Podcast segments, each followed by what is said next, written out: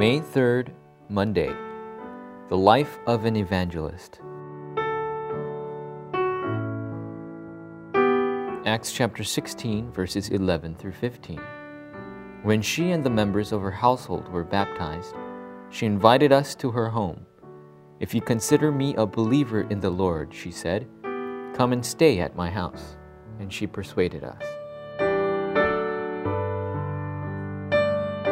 A blessed family is one in which both husband and wife hold to the pulpit message and have forum with the gospel. It's even better if they're able to have forum with their children too. It's at this time that the spiritual things of the family line are passed down to the children. There's nothing more joyful than sharing the kinds of evidences that arose in the field when we held to the pulpit message. This is the beginning of the evangelism movement. Number one, today's evangelism. Meetings arise between people and in all different fields. Most people don't think twice about the meetings they have with others, but they are incredibly important when we see them through the eyes of the gospel and evangelism. Everyone needs Christ. We must see this through our meetings and relay it to others. All we have to do is tell the people we meet why they need Christ or relay important evangelism materials to them. We can tell those people that Jesus is the Christ when they understand why they need Christ. This is today's evangelism. Number two, today's word. We must find today's word through our pulpit message, as well as a message to relay in the field. We must find today's word as we hold to the church pulpit message that is given to us each week.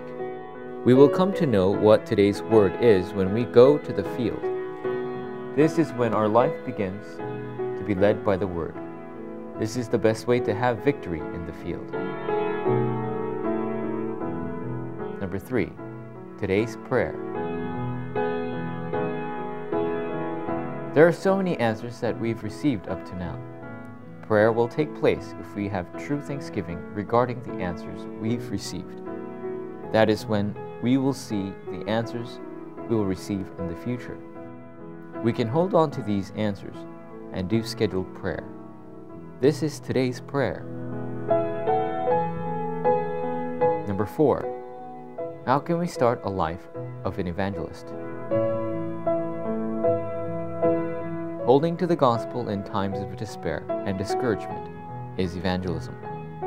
We will find God's plan if we allow the gospel to truly be the gospel.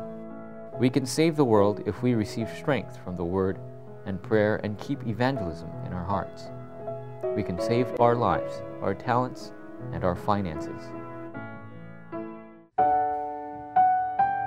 Forum topic Think about everything through the gospel and begin everything from the gospel.